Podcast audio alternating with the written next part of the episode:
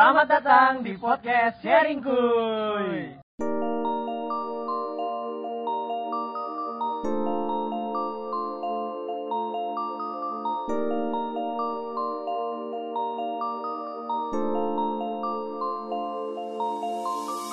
Eh, halo teman-teman semua, balik lagi bareng gua Glenn dan juga di sini ada Jamie. Nah, hari ini kita kedatangan siapa lagi nih, Jem? kita kedatangan seseorang yang Hmm. wah sangat menginspirasi nih. Sangat menginspirasi beliau adalah salah satu dosen dosen kita juga ya di FTI Unpar. Dosen di FTI, bener? Kemudian beliau juga punya kesibukan sebagai uh, public speaker sekarang dengan Hmm. memiliki interest di bidang pendidikan dan self development. Siapakah dia? Ya, Mari kita sambut. Pak Kris. Oke. Halo, Halo, Pak Kris. Halo. Halo. Halo, halo, halo, halo yang buat yang denger juga. Halo buat Glenn sama uh, Jamie. Makasih udah undang di podcast. Makasih juga udah mau jadi diundang. narasumber kita di podcast sharing kuy. Iya. Oke, sama-sama, sama-sama. Oke. Jadi kita mau bahas apa malam ini, Glenn? Nah, jadi malam ini pertama kita mau bahas mengenai inspire people nih. Nah, kenapa akhirnya aku sama Jamie kepikiran nih membahas inspire people dengan narasumber Pak Kris ini karena kita ngelihat nih bahwa Pak Kris ini selama uh, menjalankan tugasnya, especially di Unpar, pas ada interaksi sama aku sama Jamie itu benar-benar nggak cuman mengajarkan hard skill aja sebagai dosen tapi juga bisa ngajarin poin-poin of life dalam kehidupan yang bisa mengembangkan manusianya nih. Oke, untuk memulai kita akan masuk ke pertanyaan pertama nih, paling dasar ya. Menurut Pak Kris, Ah, apa sih definisi dari inspiring people?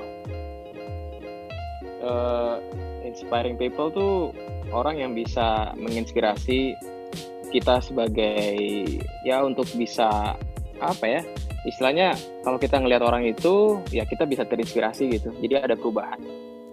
Orang yang bisa bikin kita berubah dari keadaan yang sekarang jadi keadaan yang lebih baik. Gitu sih Itu kalau berarti- menurutku ya. Sebenarnya mirip-mirip sama role model kali ya, Pak ya? Ah Mirip. ya ya, role model. Atau kalau dari kegiatannya sendiri nih Pak, menurut Bapak inspire people tuh apa Hmm. sih Pak? Apa Yang dilakukan? seperti apa? Yang, yang seperti Gitu. apa? Yang disebut inspire people. Ya, oke. so, ya inspired people itu orang yang bisa melakukan beda dengan yang lain, sehingga dia kayak stand out dan begitu beda dari yang lain. Akhirnya kita ngelihat dia, terus kalau kebetulan interestnya sama, ada ada ada kepentingan yang sama, ya kita bisa terinspirasi. Gitu. Karena kalau semua orang melakukan hal yang sama kan, jadi nggak ada yang menginspirasi ya nggak sih? Ya, ya sama semua gitu kan. Betul, betul, betul, betul. Jadi Berarti dia punya perbedaan sendiri ya dibanding di sosialnya dia gitu. Ya betul. tapi tetap tadi poinnya dengan interest yang sama walaupun dari perbedaannya tersebut. Iya, jadi betul kayak misalnya aku kan nggak ada kayak nggak ada terlalu banyak minat di seni gitu kan. Jadi kalau ada orang yang hebat di bidang seni gitu, dia bisa menginspirasi orang lain yang memang punya interest yang sama di bidang seni misalkan. Ah, Ya, sementara paham. saya yang saya yang nggak ada interest di situ, ya bisa nganggap bahwa oke ini ini orang hebat, terus ya udah gitu. Se- sampai Cuma situ. sampai di situ kan, nggak nyampe ngikutin hidupnya juga. Iya, karena mesti ada satu kesamaan gitu kan. Oke oke itu itulah kenapa kayak orang punya misalnya orang hobi nyanyi ngefansnya sama penyanyi gitu ya pak? Iya betul.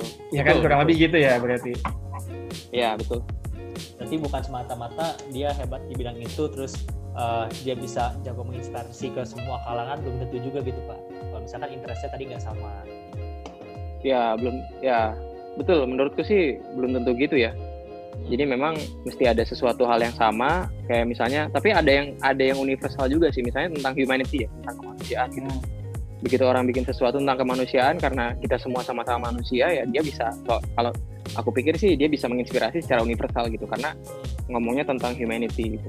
Beda dengan hobi ya. Oh, Kalau hobi kan memang gimana ya ke- kebayang nggak ada ada memang orang-orang yang menginspirasi itu bisa ke banyak orang terlepas dari interestnya apa karena dia ngomong soal kemanusiaan gitu kan kayak sekarang misalnya Hmm. buat profesi medis kan kita jadi terinspirasi ya dengan kerja keras mereka gitu pada saat keadaan yang Betul. sekarang gitu kan lagi COVID-19 nih tapi kalau keadaannya biasa-biasa ya mungkin cuman yang mahasiswa kedokteran yang punya yang tahu susahnya. Uh, role model atau inspiring people dari seorang dokter gitu kan. Betul betul. Yang tahu susahnya gitu sih. Betul betul. Iya iya iya iya. Wah baru kepikiran juga saya. Ternyata harus terus menurut ada interest. Iya. Hmm. Hmm, dan kalau menurut Pak Kris nih, perlu nggak sih kita uh, dengan Mhm. kapasitas kita yang sekarang misalnya siapa pun itu buat menginspirasi orang lain gitu, entah dengan cara yang kecil misalnya atau apa penting nggak sih Pak Mhm. untuk kita bisa menginspirasi orang lain? Eh, sebetulnya kalau menurutku sih kita bisa menginspirasi orang lain itu sebuah by product ya. Jadi maksudnya eh, aneh juga kalau kita punya tujuan buat menginspirasi orang lain, tapi mestinya tuh eh, bisa menginspirasi orang lain itu sebuah by product, sebuah hasil dari sesuatu hal yang kita lakukan gitu. Ay, bukan tujuan pak ya bukan tujuan awal Oke oke oke. Ya, jadi dia tuh sebuah sebuah by product gitu. Tuh kan. Kayak misalnya kayak apa ya? Ya kita lah, misalnya kita terinspirasi dengan Mother Teresa gitu kan. Ya dia kan nggak ada pikiran buat menginspirasi Hmm, orang lain hmm, yang dia hmm, lakukan cuma me- membantu satu orang, terus orang yang kedua, orang yang ketiga dan selanjutnya gitu. Iya. Jadi pada akhirnya dia menginspirasi orang lain, tapi bukan tujuan dia, kayaknya sih bukan tujuan dia buat Untuk menginspirasi orang lain. Dan biasanya, ya, nah biasanya tuh begitu orang mau jadi inspirasi buat orang lain, terus pengen terkenal, akhirnya ya nggak kejadian gitu kan. Akhirnya kan gitu. nggak tulus nggak Iya tulus iya iya iya iya betul betul betul betul. Ah, Mungkin itu kali ya Pak jadinya jadi inspired itu sebuah byproduct. Hmm. nyambung dari Gemini Eh, Halo, jadi gimana? Nah, nam- jamu, nyambung dari Gemini mungkin lebih ke arah untuk speak up kali ya.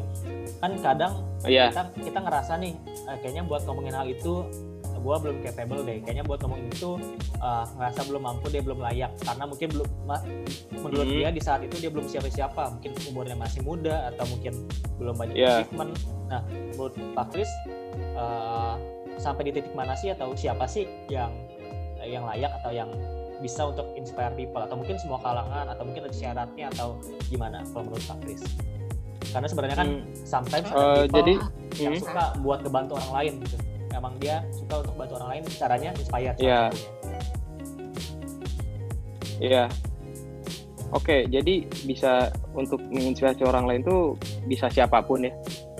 Eh, yang pasti biasanya tuh kalau menurutku sih orang yang bisa mengatasi keterbatasan yang ada pada dirinya itu bisa pasti bisa menginspirasi orang lain gitu. mengatasi keterbatasan. jadi kayak ada keterbatasan. Ya, jadi dia dia punya keterbatasan entah itu secara fisik, ekonomi atau apa pun atau pendidikan gitu ya. Kemudian dia bisa melakukan yang eh, unexpected lah gitu ya. ya unexpected gitu jadi ini kok bisa ya orang kayak gini gitu akhirnya bisa menginspirasi gitu Ah, kayak gitu paham, sih. paham, paham, Eh, paham, jadi paham. jadi eh, siapa pun bisa menginspirasi asalkan dia bisa melakukan sesuatu yang memang eh, di kalangan atau di usia dia itu harusnya nggak bisa gitu yang bikin Hmm. orang kayak terheran-heran gitu kan intinya sih melakukan suatu hal yang luar biasa pada usianya pada profesinya atau pada eh, dia punya dia punya pekerjaan gitu kan Mhm. dan ya itu yang bisa bikin orang jadi terinspirasi sih itu berarti sama gini kali ya Pak contoh-contoh yang sering kita lihat di berita kayak misalnya eh, tukang beca berhasil mengesekolahkan anaknya sampai S2 gitu ya Pak. Dia punya keterbatasan ekonomi tapi Iya, dia bisa betul. Hal yang unexpected tadi gitu artinya. Menarik juga nih. ya Jadi betul jadi kalau selain- contoh Oke, sorry. Uh, selain extraordinary tadi yang aku highlight poinnya bahwa uh, yang pertama tadi Pak Mhm. Chris mention adalah mengatasi musuh pertama yang harus dihadapi ya diri sendiri dulu gitu. Kalau dia udah bisa mengatasi keterbatasan yang dia punya terhadap diri sendiri sebelum mikir orang lain, hmm, itu border pertama yang harus dilewati dulu berarti Pak ya.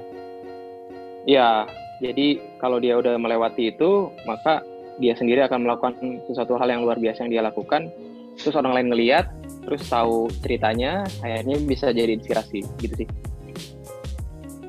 Oke, jadi saya garis bawah ya Pak. Jadi menginspirasi itu bukan yang sekedar ngomong di atas panggung, men- apa kayak Mm-mm. pelatihan-pelatihan atau apa. Bu- Bukan itu ya Pak definisinya, tapi tadi by product. ya sebuah hasil lah hasil samping lah menurutku sebuah hasil Oke.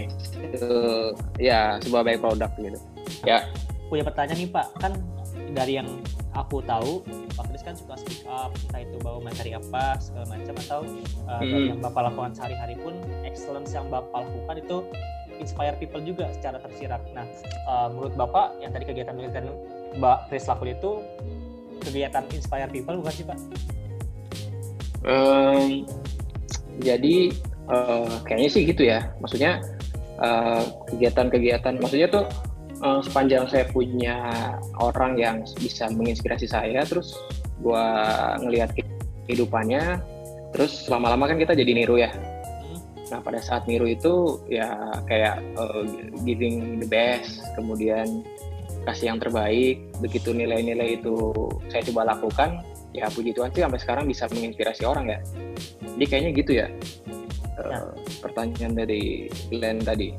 Oke, nah muncul pertanyaan lagi nih, apa sih yang menggerakkan Pak Hmm. Kris yang akhirnya uh, tertarik atau enggak terus inspire people gitu kan? Padahal kan inspire itu people kan nggak nggak mudah ya, capek, harus konsisten, belum tentu ada hasil langsung yang berdampak positif untuk Pak Kris misalkan ya. Tapi uh, Pak Hmm. Kris tetap lakukan. Nah, apa sih yang menggerakkan Pak Kris? Eh, jadi yang menggerakkanku sih bicara soal dampak ya influence ya. Jadi menurutku tuh eh, influence itu sebuah power ya, sebuah kekuatan. Jadi kalau kita bisa kasih influence yang baik, itu jadi sebuah kekuatan yang keluar dari diri kita gitu. Jadi sebenarnya kalau mau jadi inspirasi sih menurutku sih baru kepikiran juga nih ya, kita mesti memperlebar eh, jangkauan influence kita gitu. Pengaruh dari yang kita punya. Begitu Jadi pengaruh bisa- makin besar, maka kita bisa ngasih nilai lebih gitu. Ada value-nya gitu kan. Oke, oke. Jadi harus menjangkau lebih lebih luas lagi ya Pak artinya. Iya, jadi ada ada ada influence, begitu ada pengaruh, maka kita bisa ngomong sesuatu yang bernilai sama orang-orang yang kita bisa pengaruhi gitu sih. Oke. Tapi tadi maksudku eh, apa sih yang akhirnya menjadi semangatnya Bapak nih untuk terus menginspirasi people tadi mungkin dulu pernah diinspirasi Hmm. dan melihat role model itu wah keren banget nih aku mau jadi kayak dia atau mungkin apa gitu Pak yang orang-orang Eh, ya, jadi eh, dulu tuh bahkan sampai sekarang sih ada beberapa orang yang jadi role model atau menginspirasi gitu. ya. Kemudian pada saat dia ngomong sesuatu tuh jadi sebuah nilai gitu. Nah itu yang menginspirasi saya. Terus kayaknya gue bisa jadi kayak gitu deh. Terus belajar, belajar, belajar, dan akhirnya ya sampai sekarang eh, bisa menginspirasi orang dengan ngomong di depan sih. Dan juga secara personal ya. kayak gini Siapa sih, Pak? Eh, apa yang Bapak cari? Apa yang Bapak cari dari kegiatan itu? Kayak apakah Bapak dapat kepuasan pribadi tersendiri atau atau Ah, apa? Iya. Jadi yang dicari itu biasanya sih eh, begitu ditawarin buat ngomong misalkan, maka ada satu mindset di eh, ada satu mindset di saya bahwa eh, ada banyak orang yang bakal duduk denger terus saya ngomong sesuatu kan. Maka kepuasannya Hmm, adalah betul. kalau ada kalau ada sebuah feedback yang baik gitu. Begitu entah hidupnya dia berubah, entah dia terinspirasi dan sebagainya sih. Jadi yang dicari adalah gimana dia bisa berdampak gitu gimana saya bisa berdampak pada saat dikasih ya setengah jam atau 90 menit buat ngomong jadi Berarti arahnya sih jadi Kepuasan itu pribadi. kepuasan pribadinya ya kepuasan pribadi. ya ada kepuasan pribadi gitu temanku kan pernah pernah ngomong ya kalau kita sharing knowledge kayak gitu ya justru eh, knowledge-nya nggak akan hilang ya. Beda kalau kita ngasih sesuatu kasih barang misalnya maka barang itu jadi milik orang lain gitu. Tapi kalau kasih knowledge kasih inspirasi ya itu nggak akan hilang sebenarnya. Bakal ada di, bakal ada di kita terus kan. Bahkan Betul, mungkin malah jadi lebih menarik, baik menarik. karena kita sharingkan ke orang. Iya iya iya. Kita sharingkan jadi lebih baik gitu. Prinsipnya sama aja kayak orang belajar dengan cara ngajarin orang lain ya Pak. Kurang lebih. ya sama satu lagi mungkin kepuasan tersendirinya begitu dikenal kemudian bisa kenal banyak orang ya Oke. Networkingnya di menyebar. ya jadi kenal begitu kenal banyak orang terus akhirnya eh, bisa kasih pengaruh yang lebih banyak gitu kan dari apa ya ngasih, orang cerita-cerita gitu ngasih pengaruh besar ke orang yang kecil lama-lama bisa ngasih pengaruh besar ke orang yang lebih banyak lagi lebih banyak lagi ya lebih banyak Pak, tapi saya mau tahu deh Pak, gimana sih cara Bapak bisa menginspirasi orang tanpa dilihat atau terlihat menggurui Pak? oh gitu. Jadi Nah, hmm, gimana ya? Simpelnya gini sih dari yang mungkin dari setahun ini ya belajarnya kalau mau ngasih tahu orang tanpa harus menggurui ya berarti kita yang harus lakukan duluan. Jadi ada ah, kita yang ngomong ini jadi contoh hidupnya gitu. Hmm, maka Oke. maka bukan kayak cuma ngomong doang kan. Ya ini orang juga melakukan apa yang dia lakukan. Apa yang dia omongkan gitu.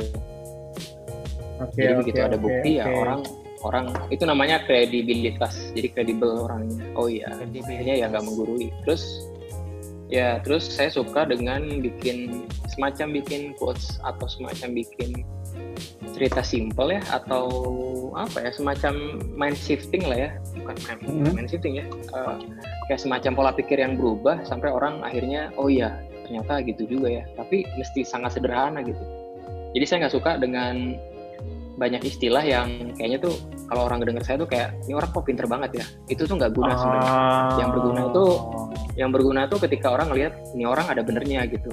Dan juga bukan cuma ada benernya benernya juga banyak kan jadi saya tuh selalu punya signature Ya, kalau ya, ya. ngomong itu. Iya maksudnya eh, saya tuh ter- mungkin dia dalam dua tahun ini dilatih saya ngelatih diri sendiri bahwa mesti ada signature ketika ngomong itu saya ngomong sesuatu yang obvious gitu. Tapi orang nggak nyadar. Itu sih susahnya ya. Makanya mesti diatur atur kayak kalian ngerti nggak? Jadi ngomong sesuatu Contoh yang Pak, simple. Contoh. obvious tapi orang dan nggak sadar. Oke tapi orang nggak dan sadar. orang tuh nggak nyadar gitu kayak kayak gini kayak Contoh-contoh Pak. eh, ini contohnya ini lu- lucu banget di tahun ini tuh saya diminta ngomong mungkin hampir berapa kali ya mungkin hampir tujuh kalian lah enam kali ngomong Wow. sama anak kelas SMP kelas 9 sama SMA kelas Oke. 12 ini lucu Oke. banget jadi mereka ini kan mau ujian nasional dulu ya Hmm. sebelum ujian Hmm. nasional di cancel Ya. dan Percuma dong. itu ya ya dulu jadi dulu di awal-awal tahun tuh guru sama kepala sekolahnya ngeluh dan ngasih pesan sponsor biasanya kalau yang ngundang itu selalu ada pesan sponsor pesan sampingan lah ya Oke. Eh, mereka bilang mereka bilang gini eh, ini performa anak-anak jelek ya pra UN tuh Oke. jelek terus katanya jadi nggak Oke. serius kan Oke. Terus saya tanya penyebabnya kenapa? Ya penyebabnya simpel pak, karena yang SMP itu udah punya SMA. Kalian kebayang nggak kalau swasta itu kan nggak mesti ujian, yang serius kan? Dia tuh udah daftar dan udah diterima gitu. Ketika dia SMP kelas 9. Betul. Jadi udah- udah oke. di-tag gitu ya? Terus yang lucunya gitu. kan, ya yang lucunya kan SMA kelas 12 juga sama. Eh, PMDK kan udah masuk kan? Ya, nggak sih? betul betul betul. Iya, betul. ya, nah kalau PMDK udah nggak masuk, terus ngapain mereka ujian? Nah, terus suatu ketika tuh saya masuk di kelas. Terus yang undangnya tuh guru BK ya. Terus saya ngomong gini sama anak-anak. Ehm, dan ini trik juga sih, triknya adalah kita masih sama dengan mereka gitu. Jadi misalnya gini, kalau nggak mau digurui, maka kita harus menempatkan diri seperti mereka. Oke, Itu yang bisa bikin orang merasa terinspirasi ya. oke. Jadi saya bilang sama mereka tuh, eh, saya ngomong di depan cuma karena diundang doang dan bukan saya lebih baik daripada kalian sama anak SMP tuh ya. Hmm. Saya cuma lebih tua gitu. Saya saya bilang saya saya saya nggak lebih baik bahkan mungkin waktu SMP juga saya lebih jelek daripada kalian nilainya gitu kan. Hmm. Eh, tapi saya saya saya di sini cuma lebih tua doang gitu. Artinya lebih tua ya ada gagal ada benernya maka kalian harus belajar. Di situ mereka udah mulai ngebuk-ngebuk. Terus kalimat kedua Ah. adalah saya bilang gini. eh, eh, pra ujian eh pra pra ujian nasional berapa lama latihan tryout tryout ya tryout istilahnya Ya, tryout berapa Hmm, lama tryout. 10 pak dia bilang 10 pak Eh, 10 pak oh banyak ya 10 capek nggak bilang capek terus eh, nanti ujian nasional juga ada ujian praktek sama ujian sekolah kan? Iya. Capek nggak? Capek terus katanya terus saya bilang di sini siapa yang udah dapat SMA jadi mereka tuh pada pada ngacung semua kan? Pada angkatan. Hmm. dan hampir 90% karena sekolah swasta. Dan pada sekolah swasta mereka udah ngacung gitu. Terus saya Ah. bilang berarti di bulan di bulan Juli kalian udah jadi SMA dong? Iya. Terus ngapain ujian? Terus mereka mikir kan? Iya ngapain gue ujian ya? Mereka udah mulai mikir-mikir gitu sampai ada sampai guru BK-nya yang ngundang itu kayak ngerasa dia kayak ngerasa ngeliat saya tuh kayak ini kayaknya gue salah ngundang orang. Ah, dia, ya dia ya kayak ya ya. stres gitu kan Ini murid-murid malah Dia- jadi dia- pada dia kayak katanya. gitu.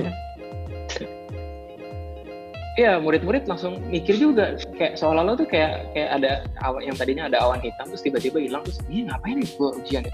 ada yang bilang Hmm. ya biar ya ya biar ya biar nilai bagus pak terus dia bilang loh kalau nilai kamu jelek kan kamu udah bayar kursi SMA kan? Udah. Terus ngapain? Oh iya bingung juga dia kan. Terus ada yang bilang bahwa nanti dimarahin nanti dimarahin orang tua. Ya emang dimarahin kenapa? Tuh kamu akan SMA juga? Dari putih biru jadi putih abu-abu kan? Ada lagi nggak jawaban yang lain? Mereka bingung juga kan. Nah terus gurunya udah mulai stres terus saya bilang gini "Eh, mungkin ujian kalian ini nggak ada resikonya kan dia nggak sih kayak mereka tuh kan nggak ada resiko buat nggak lulus kan Betul. nah terus saya bilang gini "Eh, ada satu kutipan yang tiba-tiba ada inspirasi dan saya nggak nyiapin saya bilang gini kalau kamu nggak serius sama sesuatu yang nggak beresiko coba pikir-pikir dulu kalau kamu tuh nggak Ya, ya, serius ya. sama sesuatu yang nggak ada resikonya Yang nggak beresiko. ya, Oke. maka nggak ada jaminan ya maka nggak maka nggak ada jaminan kamu akan serius sama sesuatu yang beresiko nanti Oke. terus mereka mikir lagi kan Main shifting ya, terus Pak. ada yang nanya lagi emang yang beresiko nanti apa pak? Ya pada saat kamu kuliah kamu kan jauh dari orang tua.